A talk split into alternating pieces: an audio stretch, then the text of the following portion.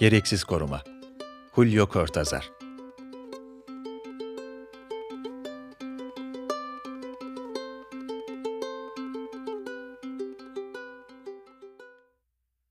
Gayet iyi biliyorum. Hastalık derecesinde utangacım.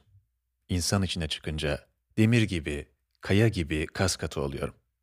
Çoğunlukla müttefikim olan su bile kimi zaman kuru ve düşmanca bir tavır takınarak akıyor dudaklarıma.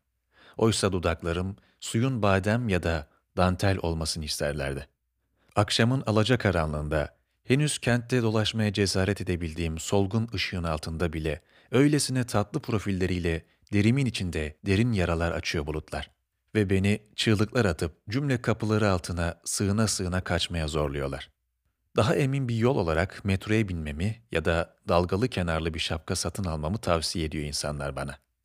İstedikleri kadar çocuklarla konuştukları tonda laf anlatsınlar. Ben uzaklarda makaslarını boynumun üstünde bilemek için bekleyen kırlangıca bakmaya başladım bile.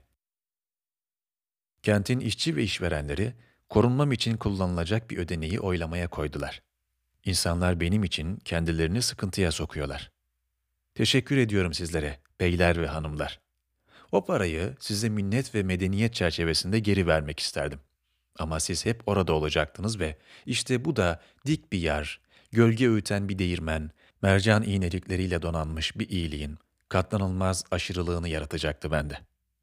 Başkalarının varoluşunu karmaşık hale getirmeyi giderek daha can sıkıcı bulmaya başladım.